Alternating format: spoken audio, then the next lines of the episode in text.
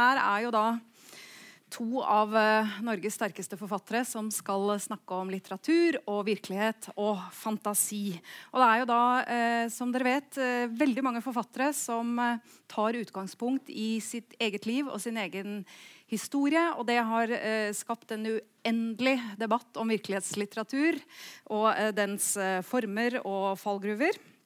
Og I kveld så spør vi da egentlig et annet spørsmål hvordan står det til med fantasien? Og da kanskje mest fantasien til Gunhild Øyehaug og Pedro Carmona Alvarez. Og eh, For sikkerhets skyld, altså hvis noen tenker hva har Stjernekamp-Mona med dette å gjøre, så eh, Hva skal man si? Altså Jeg pleier å si at jeg er heldig. Jeg kan også lese. Altså, det er makeup and brains. Men eh, altså ikke fullt så klok, ikke i nærheten faktisk, eh, som en eh, forfatter som har skrevet dikt, noveller, essays, eh, romaner, eh, filmmanus, er litteraturviter og eh, altså, nå har jeg skrevet denne utrolig romanen 'Presens maskin'. Oppvokst i Ørsta, bosatt i Bergen. Rost i skyene av New York Times og The New Yorker.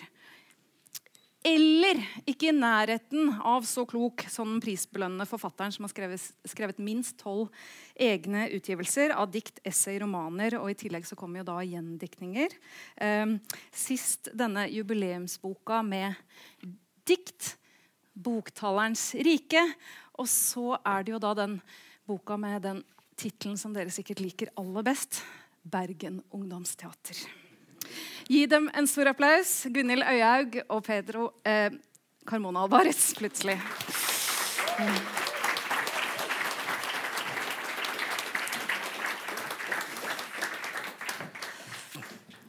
Jeg begynner med litt hvordan fantasi virker, fordi Pedro um, i eh, eh Bergen eh, ungdomsteater altså Det er den andre i Heter det Bergenstrilogien? I, nei. Nei, ikke lenger. Bare på et tidspunkt.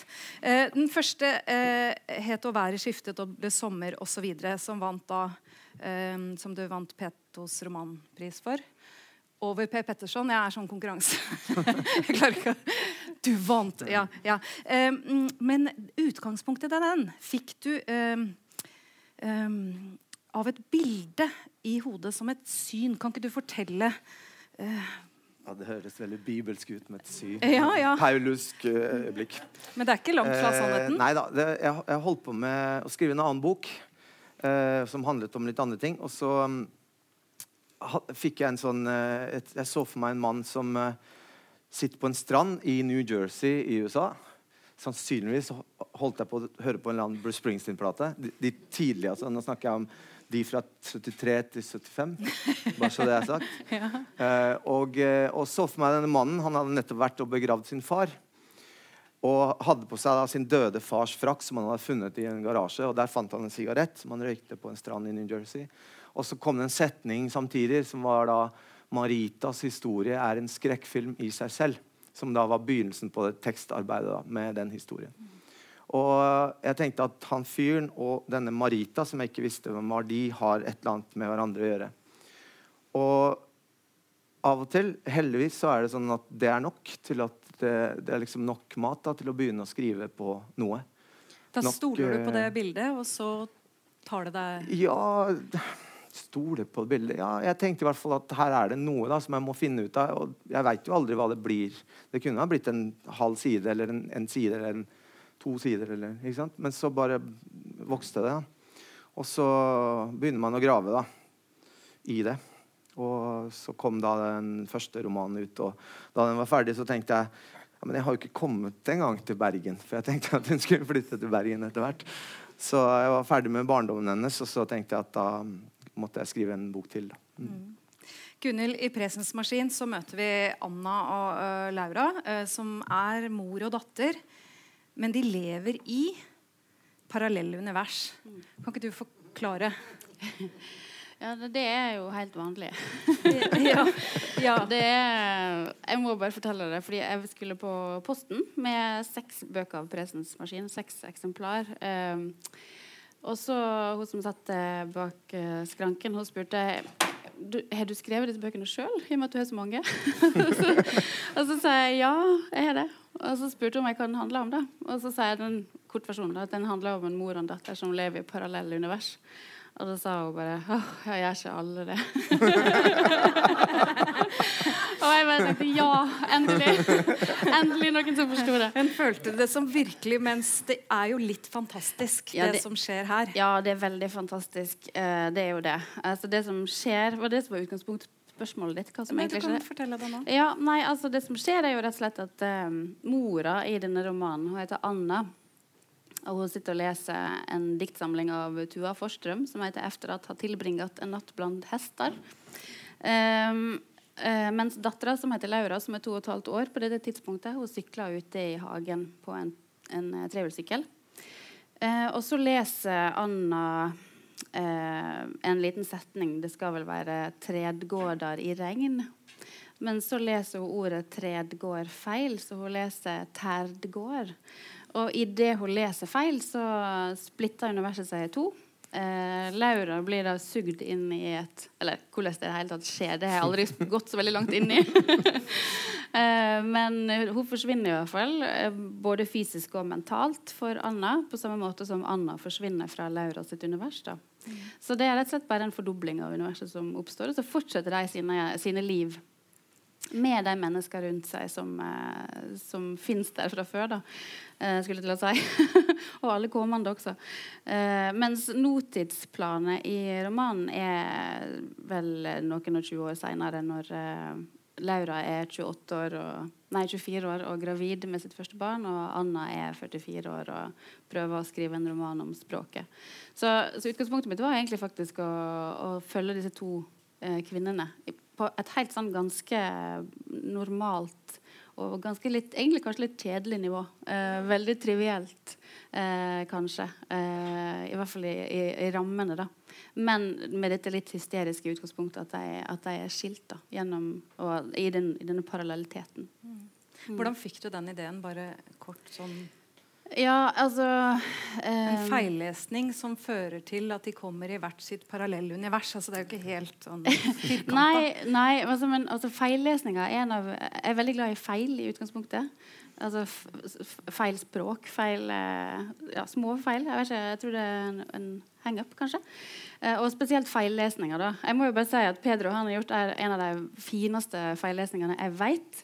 Det var når eh, eh, vi eh, møtte hverandre, så skulle vi ha poesilesekurs for eh, ungdom her i Bergen. Og da hadde vi en sånn, et første møte det var vi tok med alle dikta vi kunne tenke oss å lese. da. Og jeg hadde tatt med meg et Olav og Hauge-dikt som jeg er veldig glad i.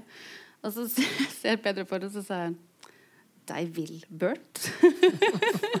og det var da det kjente diktet 'De vil burt' av, av Olav H. Hauge. Uh, jeg sjøl har lest uh, Jeg vet ikke om dere har hørt om romanen 'Fred' av Arne Garborg. Men den, den er kjempegod. Anbefaler dere å lese den. Så Fred og Bert de er gode venner av oss.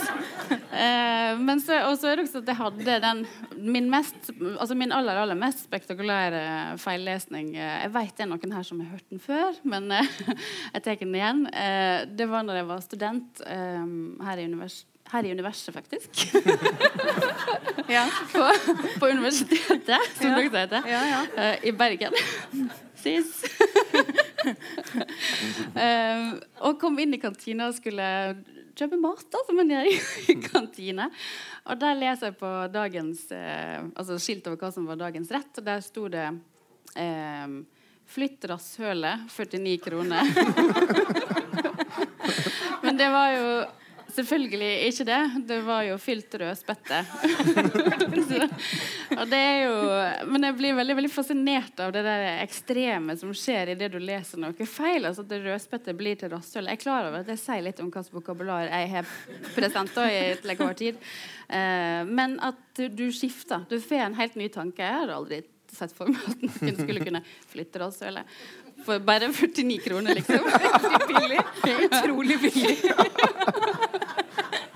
Så det var uh, Ja.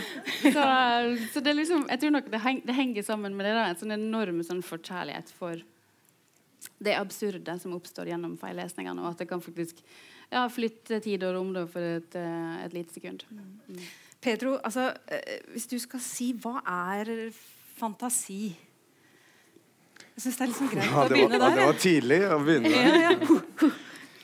Fantasi eh, For meg eh, litt, litterær fantasi, eller, eh, eller Altså det å ha eller muligheten til å liksom legge ting oppå hverandre, eller legge ting ved siden av hverandre, tenker jeg, er, er i hvert fall sånn Hvis du tvinger meg til et svar.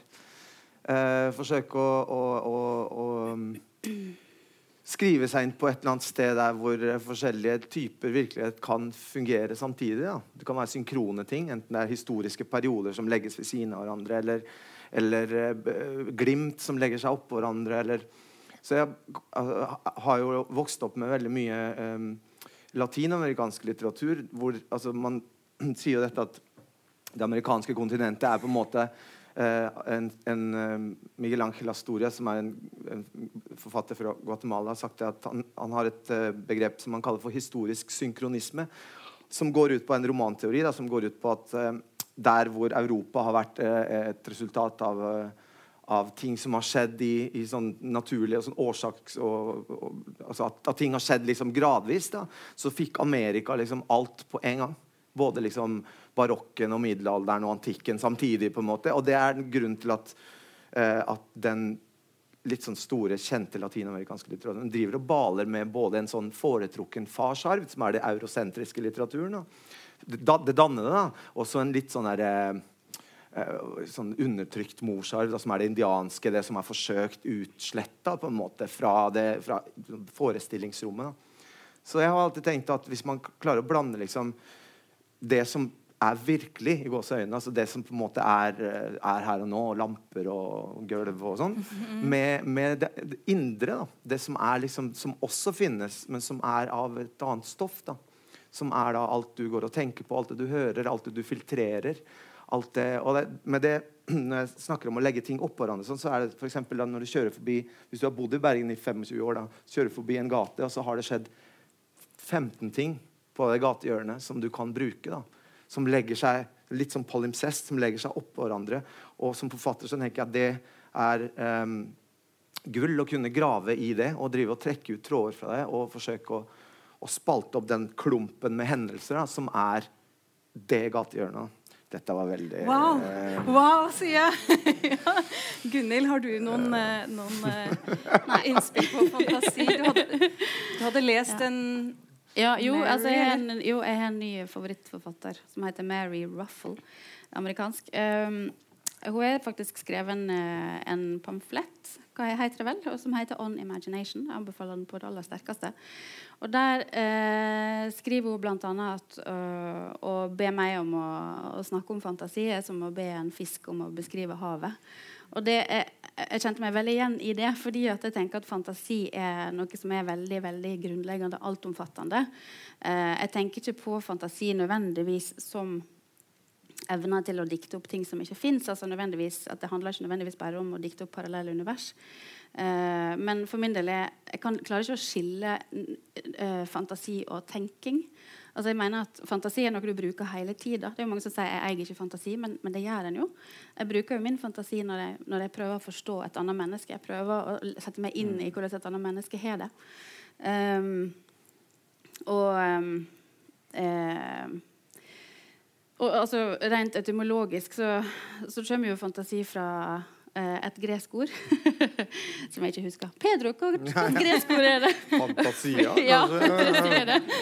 Top of my head. Jeg husker bare betydninga. Det betyr å gjøre synlig. Eh, og det er veldig forklarende for min del at, eh, at det er noe å vise fram og gjøre noe synlig. Eh, og at eh, eh, det er på mange måter det grunnleggende når en skriver også. Da. Det er noe en prøver å få frem. Det er noe en prøver, sånn som du sier, å grave frem eh, noe, eller vise frem noe. Og at fantasien er, er grunnleggende når en skriver. Men så er det jo også selvfølgelig Ehm, I mine bøker så er det jo eh, veldig mye som ikke er mulig at skjer. Uh, Får jeg på en måte håpe. Eh, at noen henger fast i mora si gjennom en ubrytelig navlestreng, eller at eh, eh, i en novelle så er det eh, en person som røyser seg opp og skal gå av bussen, men forsvinner bare ut bussveggen. Eh, og ja, altså det, det, er mange sånne ting som, eh, som, som ikke, ikke, opptrer i virkeligheten. Da. Så det er, det er, jo helt klart eh, ting som, eh, som eh, jeg er dratt mot, som ikke handler om eh, bare å mm. beskrive et glass eller eller, men, det er sånne ting som kan brukes av altså Uavhengig av om man skriver eller ikke. At, at Den typen fantasi også brukes jo av folk for å klare å leve det livet man har fått utdelt. Mm. Det å si f.eks eh, veldig kjent scene fra en roman som heter 100 års ensomhet', som er, er hvor en, en, veldig vakker jente letter til himmels. Hun er så skjønn at hun bare forsvinner. liksom. Og så I intervjuer så har Gabriel Garcia Marquez sagt det at ja, dette var en historie som man tok, da, apropos virkelighetslitteratur, da, som man tok fra liksom, der han vokste opp. så var det en sånn jente som var veldig vakker. Hun ble smelt på tjukka da hun var 15 år. og Mora var skamfull, sendte hun til Bogotá. Men til resten av nabolaget hun vet du hva, hun bare lette en dag. Hun var jo altså så engelaktig at hun forsvant. Og den historien levde da i nabolaget hans i, i tiår ti etter tiår. Og det er liksom moras måte å deale med skam på og deale med liksom sorg på. eller gudene vet. Og da bruker man det for å liksom komme seg ut av en knipe. Er det ikke det vi gjør, da? Jo, jo men jeg tenker også at eh, no, jeg, tenker på, på, det med det absurde og det surrealistiske som en måte å holde ut mm. noe uutholdelig på. At det er i hvert fall for min del lettere å skrive om eh, altså Hvis jeg skal skrive om ekstrem ensomhet, f.eks., mm. så syns jeg det blir mye lettere å gjøre gjennom en hjort enn å skrive mm. mm. gjennom 'Å, stakkars meg, jeg føler meg veldig ensom mm. i dag'. Men jeg skriver om en liten hjort som, som, eh, som gjerne vil bli sett og er desperat etter å bli sett. Og da gjør det jo da gjør det den følelsen for meg i hvert fall mye både enklere og morsommere å beskrive. Og det gjør det, det enklere å holde det ut. da. Uh, ja. Det er ikke så mange som gråter i dine bøker? Nei, altså jeg hylgriner jo når jeg skriver. Nei, det var en spøk. Nei, det er, ikke, det er, ikke, så veldig masse gråting av den. Det, det er faktisk noe som griner i presensmaskinen. Det tror jeg nesten må være første gang. faktisk. Mm. Men jeg hadde lyst til at du skulle begynne å lese noe. og det er kanskje ikke en overraskelse for de som har sett Stjernekamp. Jeg gråt selvfølgelig av det. Men du kan lese. Jeg vet ikke om du vil si noe uh, først? Uh, jeg skal se om jeg må. Um, ja, jeg må kanskje forklare hvem han er, han som opptrer her. Um, det er jo slik at um, Anna var uh, gift med Bård. Bård og Anna er foreldre til Laura.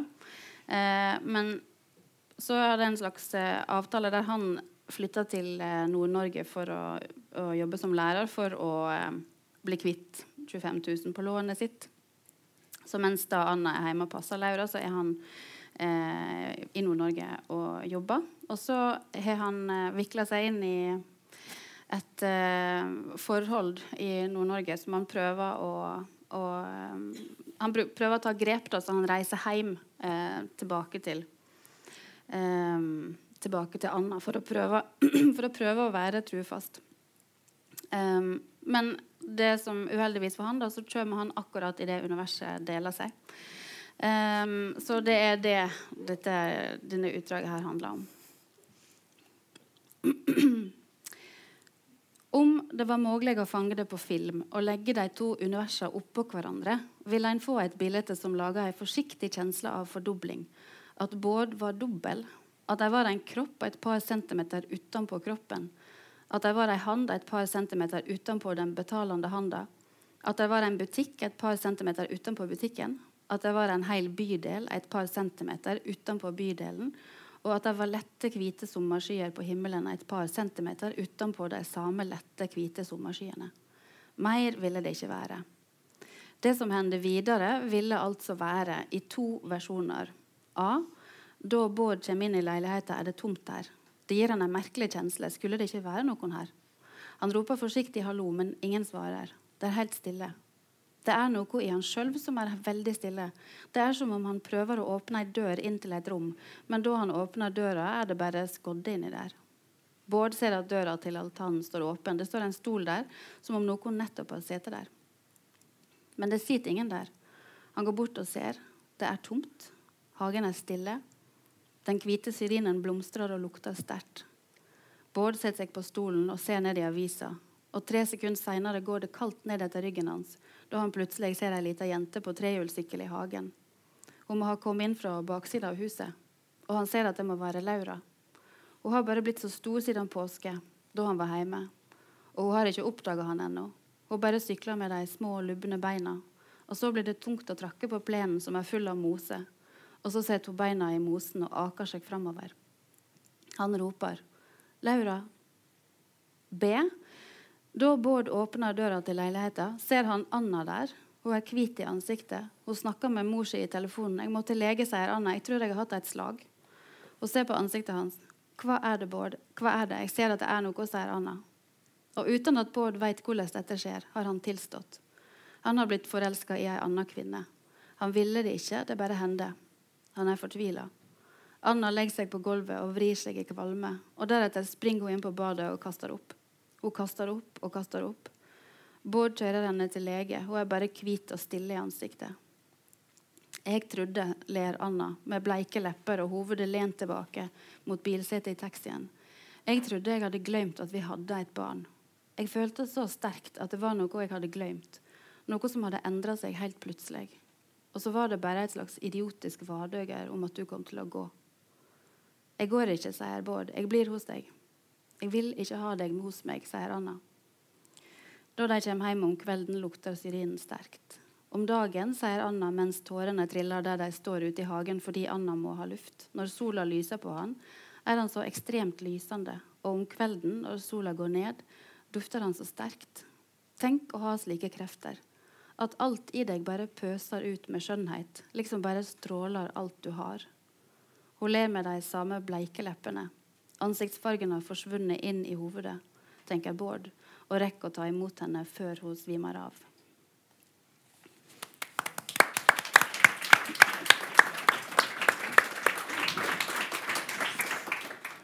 Altså, du har jo brukt drøm før og bruker drøm nå, og jeg har Pedro plukket ut for deg Det har du. et lite, drømme, et lite drømmescenario. Mm, mm. Eh, um, jeg vet ikke om du kunne si noe om det først?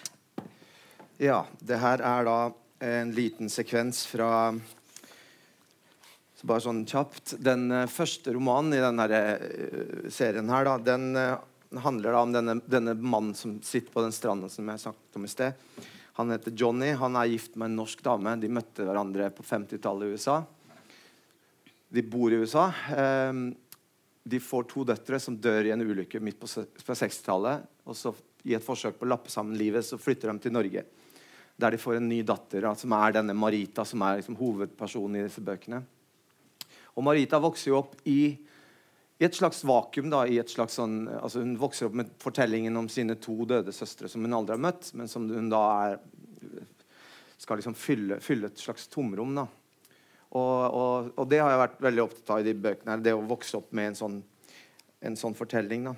Og eh, I denne boka her så flytter hun og moren til Bergen. Faren har da dratt tilbake til USA. De har blitt skilt. Og Marita eh, flytter ut på Nordnes. Og så går hun rundt som ungdom på Nordnes og ser for seg disse søstrene sine. da.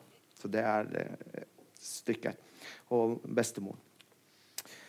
Søstrene som to skinnende stråler på noen og 20 bilder pappa viser meg denne ettermiddagen mens stemmen hans vakler og brister, og han harker, og jeg stryker ham over håret, og han skammer seg og hiver etter pusten og sier, 'Det er ikke du som skal gjøre sånt. Det er ikke du, men det er jeg som gjør det.' Jeg drømmer om sjøhester og krabber og spåkoner, om det store tivolihjulet ved promenaden der pappa er Marlon Brando. En natt ser jeg grandma Dixie bøye seg ned mot Vera i, med et håndkle. Hun har et blått skaut på hodet. Ansiktet mitt blir vått og varmt, og jeg skjønner at grandma Dixie også tørker mitt hår. Jeg snur meg for å se etter Vera, men grandma Dixie legger håndkleet over ansiktet mitt, og sånn at jeg ikke ser annet enn tærne mine der de graver seg ned i den gule sanda. Jeg river meg løs. Det lukter tang, smørbrød, måker, vått treverk. Vera står på stranden og balanserer på ett bein. Hei, sier jeg. Hei, sier hun. Kan jeg komme nærmere, sier jeg. Jeg ser deg ikke så godt herfra. Bare bli der du er, sier hun. Det går nok bra. Vi blir stående og se på hverandre en stund. Jeg løfter armen, og hun løfter armen. Etterpå synger hun en sang, og jeg synger den samme sangen. Hun strekker ut armene og begynner å spinne rundt som en ballerina. Men da jeg gjør det samme, blir jeg svimmel og holder på å falle. Gikk det bra? sier hun. Ja, sier jeg. Jeg ble bare litt ør. Du må være forsiktig, sier hun. Jeg drømmer om dem, sier jeg til pappa dagen etter. Jeg drømmer at vi er venninner, sier jeg alle de skrekkelige drømmene til mamma og pappa som jeg arver. Senere tenker jeg mye på det i Bergen, der oppe på rommet til Johannes, når jeg endelig snakker om søstrene mine, og Johannes hører etter, og jeg har drukket meg full, og han holder rundt meg, og jeg har kanskje innbilt meg at det er min feil at det gikk galt mellom foreldrene mine, at det var for mye med en jentunge til, at alt de hørte når, de, når jeg nærmet meg dem, var dødens latter. Hvis det finnes en slik flik av liv igjen etter Vera og Anne, sier jeg til Johannes, så er jeg et lukket kretsløp for det livet.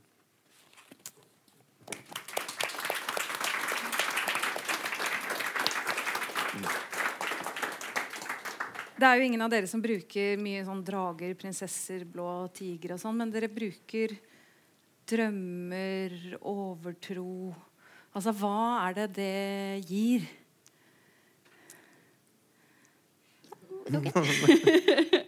Nei, altså Jeg tror at uh, I hvert fall Jeg har jo skrevet en bok som heter 'Draumeskriver'. Um, og der Tittelen er henta fra Det er en, egentlig en kombinasjon av Det er fra en av novellene der hovedpersonen i novella tenker at hvis hun var et fly som styrta, så ville, så ville den ferdskriveren bare inneholder ei setning, og det er 'høyrer vatn og ser det ikke'. 'Under jorda må det fare', som er en sånn setning som hun har gått og, og sagt til seg sjøl hele livet. Eh, og det er fra Draumkvedet, eller 'Draumkvadet'. Eh, så så, så tittelen er jo en sammensetning av ferdskriver og draum. Så det ble draumeskriver. Som en, sånn, jeg så for meg at, at ferdskriveren var en, en, slags merkelig stenograf som hadde skrevet ned det, det mest absurde som du eh, altså det, disse tingene som feiler, da, igjen, som, som ikke er logiske, det er ting som, som, glir unna, som du ikke forstår. At det var det som skulle sitte igjen etter et helt liv. da. Um, uh, som jeg syns er en, en uh, interessant og, og, spennende og, og, og skummel tanke. Um, så jeg tror at uh, drømmeskriver er jo på mange måter et Den er skrevet, tror jeg, i, i respons og i reaksjon på den en slags i hvert fall for min del angst for den eh, ensretta meninga. Altså at, mm. at for eksempel sånn så at uh, den nye faktasjekken av litteraturen, f.eks. Mm. at jeg er så redd, jeg er, så, jeg er ekstremt skeptisk til, til det entydige. Uh, og til at det skal være f.eks. et én-til-én-forhold mellom, uh, mellom, en forfatter og en, en, en, et jeg-person. At det er et ganske stort spenn mellom det. At den litterære stemma er noe annet. I hvert fall sånn som jeg opplever det. Um, du leker og, mye med det i Presens maskin også? Ja, absolutt. Og i Undis brekke også. Mm. Så, så, jeg tenker på mange måter de tre eh, siste bøkene, og også miniatyrlesinger, som er en en eh, kort eh, essaysamling med korte tekster, der jeg leser andre sine tekster. da. Som, eh, hvis en skal se på det uh, i et litteraturhistorisk perspektiv, da Det syns jeg man skal. Så uh, For å bare ha den utrolig fine posisjonen der jeg kan sitte her og se på mine egne tekster i et litteraturhistorisk perspektiv, så, så, så, så, tenker jeg helt automatisk at ja, og det er faktisk Det handler mye om den responsen på, på den samtidige debatten om, om, litteratur. Det er opprør mot uh, virkelighetslitteratur? Ja, ikke nødvendigvis mot virkelighetslitteraturen, men i, i det som jeg frykter skal være en tolkning av den. Mm. Eh, og at, uh, at Og draumen er jo en sånn plass der vi alle er på vårt mest absurde. Og det syns jeg er ganske interessant. At vi lever på en måte sånn to liv. på en måte. Er, og det skumle. Ja, det også, og det skumle. Og, og rent personlig tror jeg også det er en plass der jeg Eh, eh, når jeg skriver, da, at jeg kan slippe kontrollen som jeg ellers eh, prøver å holde på, på livet mitt. Mm.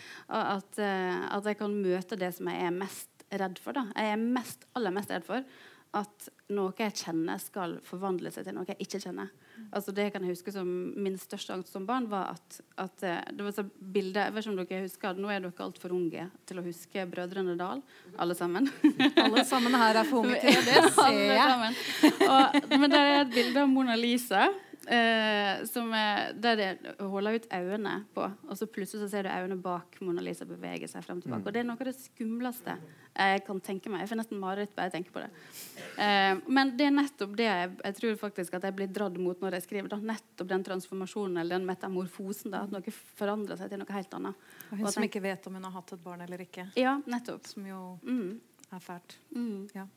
Pedro, eh, hva med deg? Altså, du, du bruker jo da også det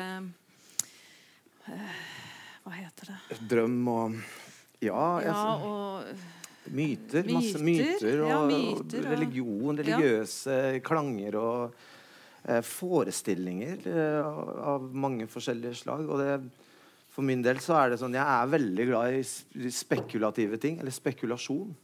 Jeg elsker å se på sånn, sitte midt på natta se på sånne programmer om sånne gale folk som, som tror at alt er ufoer.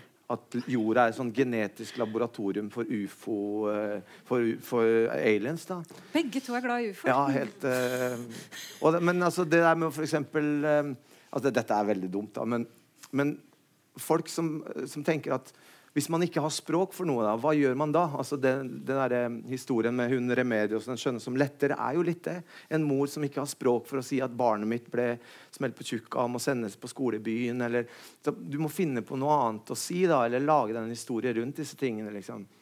Eh, disse ufo-galningene sier f.eks. Ja, hva om altså, historien om Jonah og hvalen i Bibelen? ikke sant? Hva om, disse folka visste jo ikke, Hvis de så en ubåt, så hadde du ikke noe språk for det. ikke sant? Kanskje det var en ubåt, og så var hvalen et bilde på ubåten. Den typen tenkning syns jeg er helt fantastisk eh, gøyal å, å bale med. Da, fordi at den er utvidende. Jeg har drømt veldig mye siden jeg var liten. Jeg har hatt veldig mye mareritt siden jeg var liten. Jeg er interessert i, i alt som er liksom utvidende Altså rus, vis, syn, eh, eh, løgn. Sånn, Ljuging er jo helt fabelaktig. Ikke kanskje i, i virkeligheten, men i litteraturen. Sant?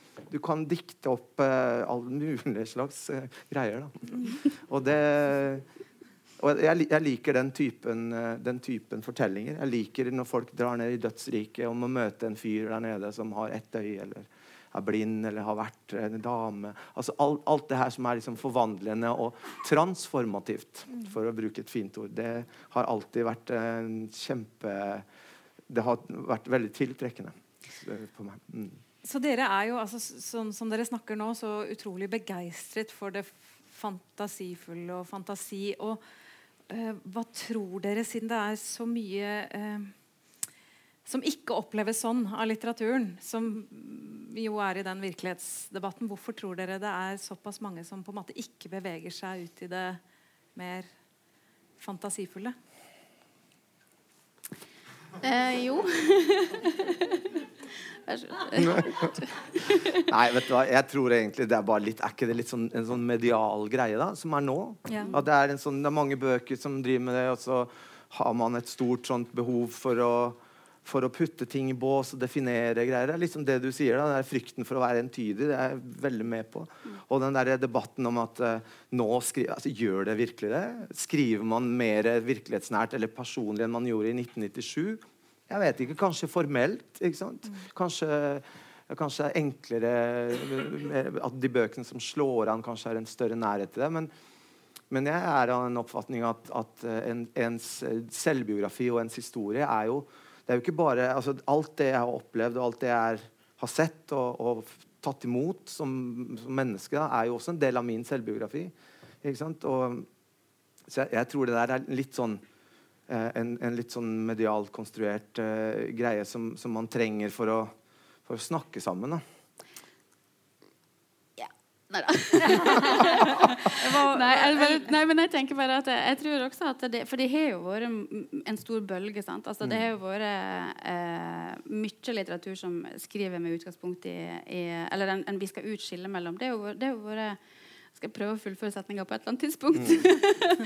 at en, at en eh, ja, skriver med utgangspunkt i seg sjøl, tar sitt eget navn, bruker sin egen adresse. Mm. Eh, og for min del, jeg må jo innrømme at jeg tuller jo med det i Bresens maskin. Det er mye der som er henta fra, fra, mitt liv der også. Det, det, skulle nesten bare mangle på mange måter. Men, men, eh, men jeg, tror at, jeg, tror at, det eh, Den litteraturen som vi har hatt nå eh, i eh, lang tid, eller den retninga, for å si det på en litt mer presis måte, den eh, kan være en veldig fin inngangsportal. At den gjør det litt lettere på et eller annet vis å begynne å skrive at å ja, det, ja, men jeg kan jo skrive om meg sjøl. og at det kan faktisk være en, et startpunkt. Da. Altså et, et utgangspunkt.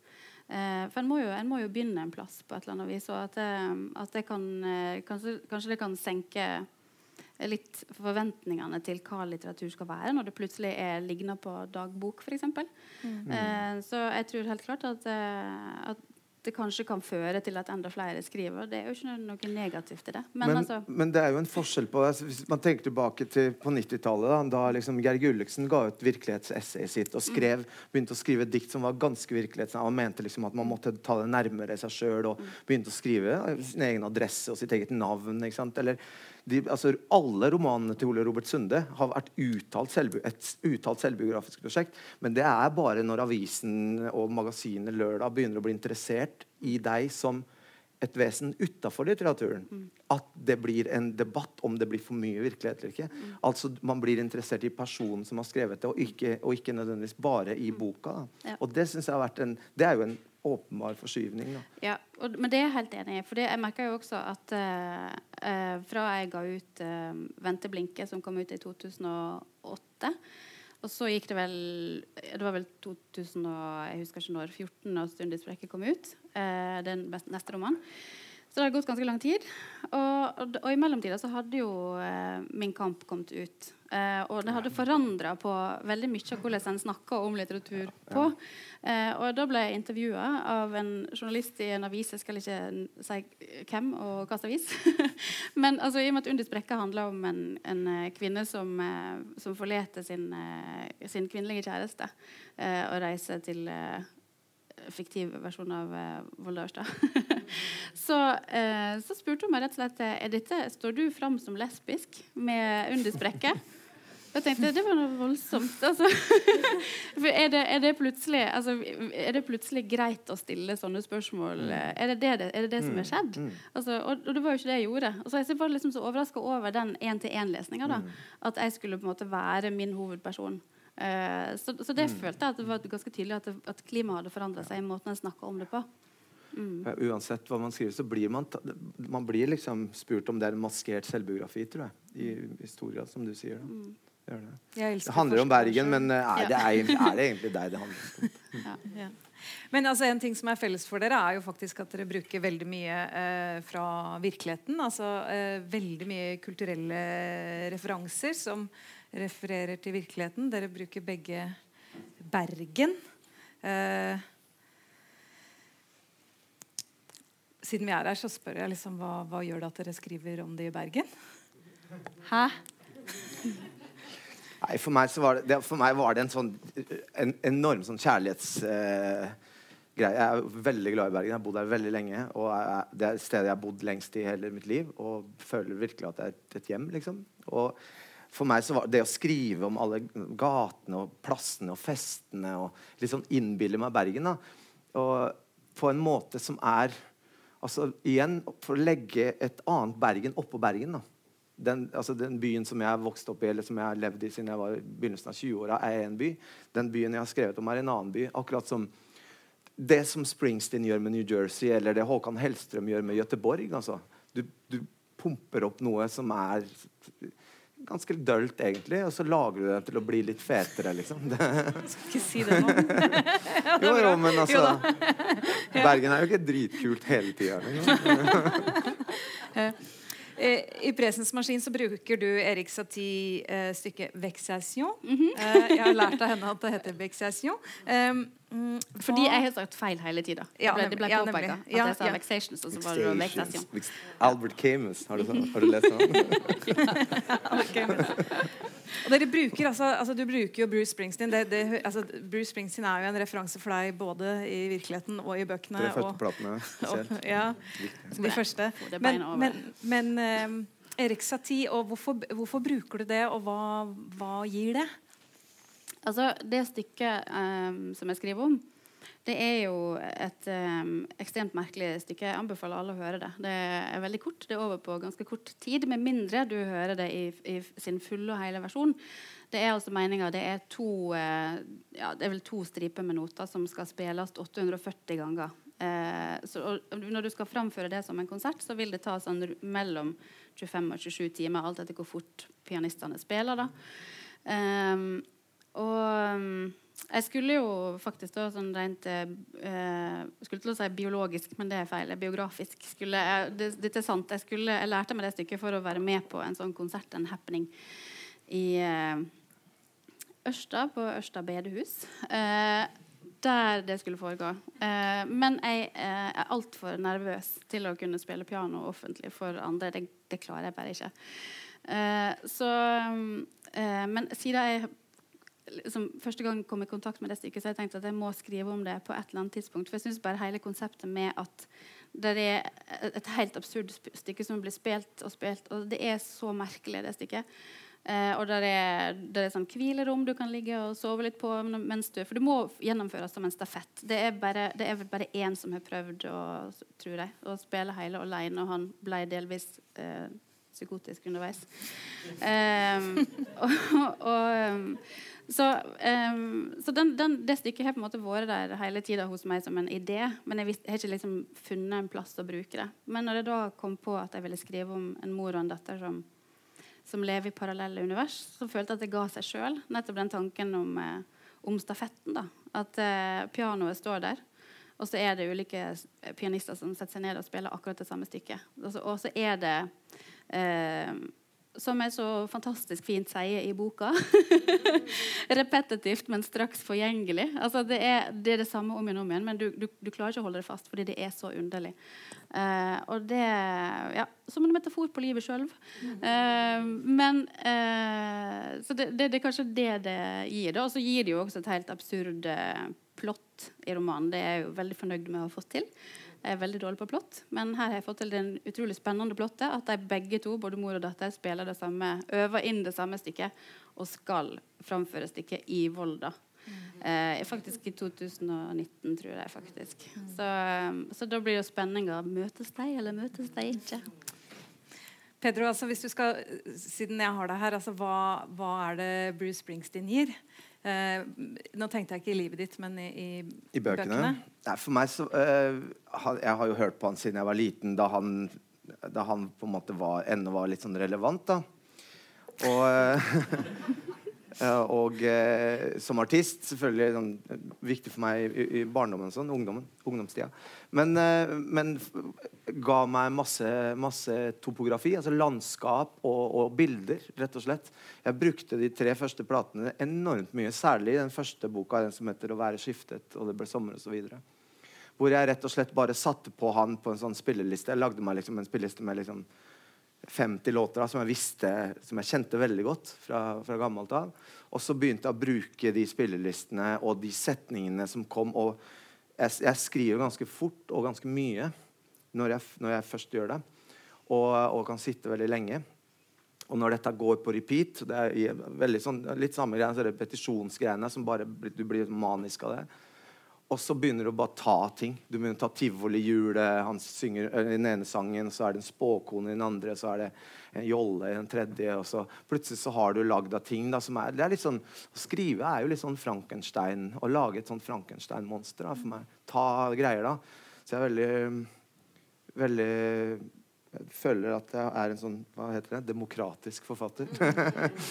uh, jeg, og så gir det vel også at, at, når noen av dine karakterer hører på Bruce Springsteen, så skjønner man på en måte hvem de er? ja, det si, gjør eller? de også. Men, men, jeg tenker at altså, han fyren som jeg skriver om i den første romanen, da, som er en amerikansk fyr som har vokst opp i USA, vokst opp i New Jersey, han har vokst opp i et hjem der de hører på jazz. Mora har vært på jazz. Han har aldri likt americana eller noe sånn amerikansk trubadur, musikk i det hele tatt. Men da han kommer til Norge og kjenner på liksom fremmed, eh, sin fremmedhet da, i et nytt land. og Språklig er det vanskelig, og alle er rare her. og, og alt mulig, sant? Så er det sånn, hva, og så er det så sender en kompis han som sender han en, en plate. og så sier du, i dette er i 1973, da første Springsteen-plata kom ut i 1973, så sier Billy, kompisen hans, du, han fyren her han er født rett ned i gata. Han er litt yngre enn oss. Han, Bruce Springsteen, han hørte man. aldri hørt man. Hør på plata. Ja, men jeg liker ikke sånn musikk. Nei, men hør på det, liksom. Så sitter han på Bekkelaget i Oslo og i et fremmedland, og, um, og, og, da begynner det å klinge for ham. Da begynner plutselig den musikken å gi ham noe. Og det har jo med nostalgi å gjøre. Og det har med det å, igjen, å skape seg en billedlighet som er vekke. da. Et eller annet som er borte, og så må du lage han sjøl, og det lager han gjennom det å høre på disse Særlig tre, tre første Nå har jeg sagt mange ganger. Men de tre første bladene til Bruce Springsteen. Som, eh, som, da blir en sånn slags eh, En måte som han konstruerer virkelighet på. da. Et savn på, og som han fyller eh, tomrom med. da. Mm. Men kan det også være en måte å konstruere virkelighet i romanen på? Altså, for dette er, jo, dette er jo referanser som er virkelige. Altså, som er, mm. Og det tenker jeg også for min del. Jeg bruker jo også type uh, type? Hvor kom det ordet Masse science fiction, f.eks.? Ja, ja mm. altså filmer og sånne ting som, som gjør det veldig datert da, på en eller annen mm. måte. Altså, mm. om, eh, om, bare ti år vil jeg se det for meg, så er jo disse referansene mm. gamle. Og at, eh, ikke Bruce Springsteen, han er jo litt sånn Han er jo litt evig. Han kommer til å leve evig. Ja. Men ikke Interstellar Interstellar, kanskje. Men, eller jo, kanskje. Det er jo en, er jo en god science fiction-film. Ja. Men, men uh, jeg er interessert i de referansene nettopp fordi de er så daterte. da. At, den, mm. at, den, uh, at de gir en eller annen form for uh, forankring i noe som mm. foregår nå. da. Mm. Og at eh, ikke, ikke unngå dem. Altså, jeg leser om, om Helle Helle som eh, ikke vil at folk skal ha mobiltelefoner, for hun vil gjerne skrive om det mest grunnleggende menneskelige. Mm. altså at Det skal mm. være relasjoner så Og, og det er det vanskelig hvis en begynner å ta inn sånne tekniske ting som gjør, at, gjør det veldig datert. Mm. Men for min del er det nesten motsatt. og jeg synes det er eh, interessant med det, de daterte mm. referansene. da eh, som ikke er der pga. at de er referanser, men at de gir noe til, til, eh, til mm. verket. Da. Eller til ja, verket. Det er verket som du ser her. og det bruker dere flittig begge to. Um, jeg tenkte kanskje at dere kunne lese uh, litt mer uh, fra um, Pedro, kanskje du vil begynne å lese uh, et dikt? Skal jeg lese et dikt nå, ja? Det er kan, en overgang.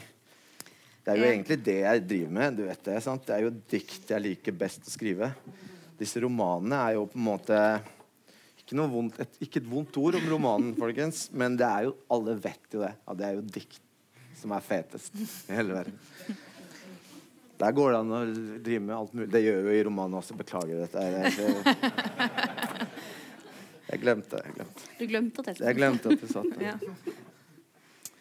Dette her er fra en bok som heter 'Sanger for kor', eh, som jeg ga ut i 2013, og som da er en, eh, en, en bok som bruker veldig mye sånn mytologier og, og eh, døde folk og døde dyr og levende dyr og levende folk òg, men begge deler.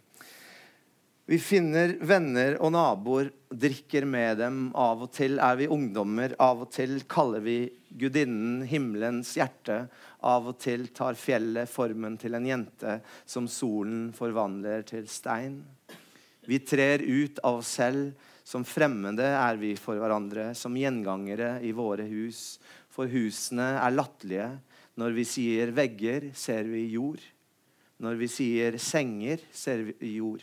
Når vi drømmer, ser vi hullete sko, de levendes føtter, hvit jord, et kalket bryst. Jeg, vi drikker og finner opp opprinnelser. Jeg vokste opp med onkler som døde og døde. Jeg hadde tenner. Jeg har hatt tenner.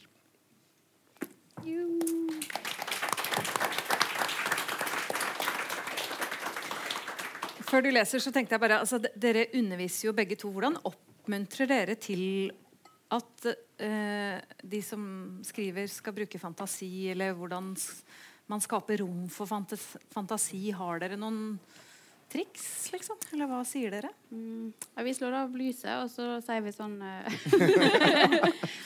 Diskokule Ja. Nei, hva sier dere? Nei, Men gjør dere det, eller ja. bare lar dere folk være Nei, nei jeg, jeg, prøver å si litt om det. Jeg er opptatt av litt sånn, sånn uh Jeg pleier å si sånn uh, Lukk øynene. Altså, forsøk å, altså særlig, særlig, når du skriver poesi, da, men det gjelder jo også uh, prosa. Men sånn, forsøk å se deg Eller se for deg det du prøver å se. da Det du ser Hvis du ser en uh, Dette har jeg sagt mange ganger, men hvis du ser for eksempel, Da jeg var ung poet, så leste jeg veldig mye av den argentinske forfatteren Jorge Luis Borges. Og Han skriver mye om løver og tigre. Og løver og tigre det var fine dyr. Det er rojale, flotte vesener. da. Så jeg også skrev dikt om løver og tigre. Og så, for jeg så, Det var et eller annet inni der som jeg, jeg, så at det hadde noe gjenklang i meg. da. Men så gikk det 20 år, da, og så fant jeg ut at det dyret jeg så for meg, det var en liten geit som min far har fortalt meg om siden jeg var liten. Hans, hans store sorg da han var barn, at han mista en geit. Og det er den geita jeg har Og jeg veit at det er den geita jeg har skrevet om i 20 år. Men da jeg var ung, så trodde jeg at jeg måtte skrive løver og tigre, for det var flottere. Og det prøver jeg å si til studentene. at Forsøk å se, se for deg hva det er. Prøv å skarpstille. Og når du først har sett noe, hvis du ser noe, prøv å snu deg. Snu deg rundt i det rommet som du har sett. For hvis det er en geit der, hva finnes bak her? Liksom? Og det er bra å få øye på når du skal skrive. Um, det pleier jeg å si. se, jeg se bak. Greit. Det er, det er, ingen store triks. Altså. Det er G-dur og D-dur. Ja, jeg vil bare si at På framsida av uh, Mary Ruffles sin uh, pamflett om uh, On Imagination så er det faktisk ei geit. Ja, sant. Så det er rett og slett meninga at du skal lese det. Ja. Nei, men jeg tenker For min del så handler det altså, Min store fantasihelt, som jeg jo er både lær Eh, som har skrevet en eh, veldig fin tekst om fantasi. Eh, som heter 'Evnenes dronning'. den fins i 'Kunsten og det moderne liv', hvis dere er interessert. der sier han at altså, fantasi er Blant annet alle ting han sier, så skriver han at eh, fantasi er evner til analyse og syntese. Eh, og det er i hvert fall for min del en slags rettesnor, heter det rettesnor, når vi leser tekster på, på akademiet. Da. Jeg tenker at Det å faktisk lese andre tekster det er også en måte å bruke fantasien sin på. Det å analysere, Mange tenker på å analysere som en ukreativ mm. egenskap. At du skal liksom være teknisk eller et eller annet sånt. Men det, det må, du må faktisk bruke fantasien når mm. du nettopp prøver å forstå og lese djupt inn mm. i en annen tekst så må du også se ting for deg. Så det, jeg tenker at det er eh, en av de største kildene til å utvikle og tøye, da, som jeg mm. bruker å si. Jeg, sin, bruker å si det veldig ofte. Tøye sin egen fantasi. Mm. og det å lese andre tekster. Lese så mange forskjellige typer tekster. Eh, tekster som du kanskje ikke umiddelbart er dratt mot, men ja, mm. finner noe annet. Jeg hadde veldig lyst til å, å, at du skulle lese slutten av en novelle som heter 'Neglelakk'. Mm. Hvor det da er en som eh, har lakket neglene, eh, får ikke av eh, neglelakken, går rundt og finner, prøver å finne sterkere og sterkere neglelakkfjerner. Eh, kan du lese slutten? Ja. Jeg vet ikke om det er noe mer som trengs å sies. Nei, det var godt oppsummert. Ja, takk. Det var avansert. ja, men uh, hun har da eh, faktisk klart å finne i en butikk som, der det står et skilt der det står 'verdens aller beste neglelakkfjerner' på. Eh, der har de faktisk hatt en neglelakkfjerner som, som, hun har fått tak i. da. eller ja Det er visst et egg her. Jeg gjentok prosedyren. Satt på en benk ved Aker Brygge. Måsene duppa, etc. Neglelakkfjerneren virka. Det kan liksom ikke sies på noe annet vis. Han virka. Hvor etterlengta dette at noe skulle verke, faktisk hadde vært, kjente jeg først nå. Hvor nakne og rene neglene mine verka brått. Ikke som gulbrunt vintergras som har ligget under for mye snø for lenge, slik de vanligvis ser ut når jeg har brukt vanlig neglelakk og vanlig neglelakkfjerner. Nå fortonte de seg som et nake glimt av livet sjøl. Deretter begynte også fingertuppene å forsvinne. Det så litt ut som en slik film som er laga ved at en tar ett bilde på samme tidspunkt hver dag i lang tid, spilt i superfast forward. Fingertuppene bare drog seg innover mot andre ledd av fingeren, som så forsvant, og deretter tredje leddet, og slik holdt det fram en liten stund. Nå sitter jeg her og skriver uten hender. Det er et stort og alvorlig paradoks. Men alle på kontoret er kjempehyggelige og forståingsfulle mot meg. De mener jeg er ramma av noe stort og uforståelig som gjør livet mer utholdelig for dem, når de vet at noe slikt kan skje helt ut av det blå, og når de ser at jeg tross alt får det til.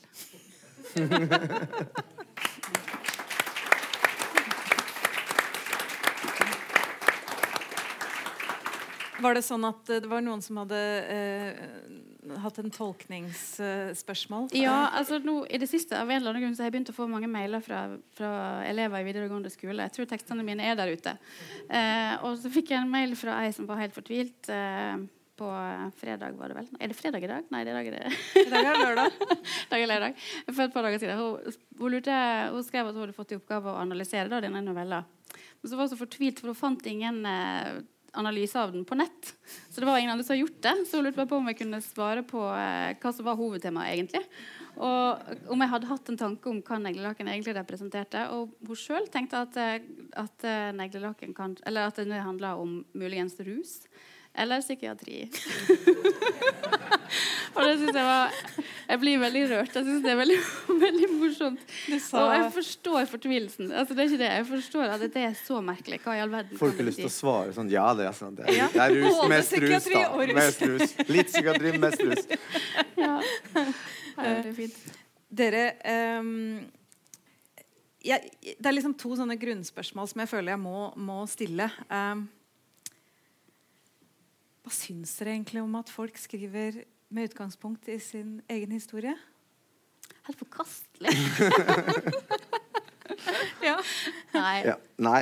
jeg syns det er kjempefint ja, når folk gjør det. Og det, finner, det som jeg sa til deg da vi snakket på telefonen før det her, at det kommer jo an på om det er bra skrevet eller ikke. altså Hvordan man bruker det. Og det er jo et banalt svar, men, men det har jo alt å si. Hva, hvordan man bruker selvbiografien sin eller sin egen historie. hva hva man liksom setter opp for, altså, Hvis man tenker seg at det er én vegg da, i et hus, liksom, hva, hva, inneholder de andre veggene? Hvordan ser de andre rommene ut? For det som er på en måte dølt, er jo når det bare er sånn altså, Sånn er det jo med alle. Hvis folk bare vil snakke om seg sjøl, så er det veldig uinteressant. Så det eh, selve må på en måte speiles opp mot andre ting da, som gjør at det, det blir relevant for, for, for, leseren eller for samtalepartneren. Og jeg tenker at En av de fineste bøkene jeg leste i fjor, var jo Jan Grue sin eh, bok. Eh, 'Jeg lever et liv som ligner deres'. Og Det er en bok som er veldig tett på det selvbiografiske, for eksempel, men den er smart og fin og sår og klok og alt mulig. Fordi den vender selve ut mot noe som er større enn bare liksom, folk som bare sitter og sier 'meg, meg, meg'. Da. Og jeg tror at, men så er det sånn, det er jo masse dølle forfattere som bare finner på supergørre ting òg. Ja. Som bare er helt sånn fiksjon som bare sånn jeg vet da, Dette her gidder jeg rett og slett ikke å bruke tida hjemme på. Det er bare et påfunn. For du lukter Hvis du har lest mange nok bøker, så lukter du når det er et påfunn. Mm. Akkurat som om det lå en rotte og døde inni veggen. Det er et eller annet feil her, altså. Det lukter du. Og det, da spiller det ingen rolle hva det er. Det må liksom være behandla med kjærlighet. Akkurat som mat. Takk. Takk. Har du noe å tilføye på den? Nei, det var nydelig sagt. Og, og, og, også, men jeg tenker også at den skriver jo altså, Det er jo ikke sånn at den bare er en beholder med to hender som sitter der og skriver, og så er det ingenting her som du ikke bruker. Det er jo ikke sånn det er. En skriver jo med utgangspunkt i noe som kommer fra en sjøl, men det handler nettopp som du sier, om å unngå de døde rottene i, i, veggen. Mm. Bra. og så er det oppsummeringsspørsmålet, da. Hvordan står det egentlig til med fantasien, som det står i programteksten? Nei, altså min jeg, altså, Deres jeg, fantasi virker det som det går veldig bra med. Vår fantasi er grei. Det går så du griner, faktisk. Ja. så du griner! ja. Gunhilds fantasi syns jeg det går veldig bra med. Det syns jeg er alt det har gjort. Ja. Min er litt mer sånn. sånn. Men, eh, men jeg, jeg, har jo Altså begge to vi har jo eh, privilegiet av å undervise for unge folk i skriving. Og der syns jeg at det begynner å virkelig å ta seg opp. altså i, på fantasinivået. Da begynner folk å skrive helt ko-ko ting. Og, og fri, frihet i skrivinga og, og på billedplan og, og, sånt. Så jeg, har, jeg, er optimistisk på fremtidens vegne når det gjelder unge litterater. Veldig negativ og lite optimistisk når det gjelder alt annet. Gunhild, hva med deg? Nei, altså, Pedro, du sa det jo så vakkert. Hvordan går det an å toppe den, liksom? Det er ikke mulig. Nei, jeg tror det, jeg tror det står veldig bra til. Jeg tror vi, vi, vi, Fins fantasien fremdeles? Ja. Ja, det er den. Ja! La oss gi en applaus for disse to.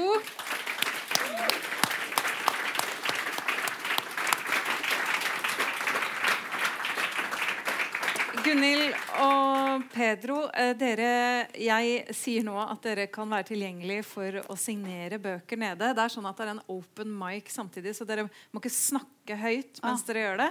Bare sånn Til mamma. Ja, og sånn. Men tusen, tusen takk skal dere ha. Dere er vidunderlig fantasifulle og kloke mennesker. Tusen takk.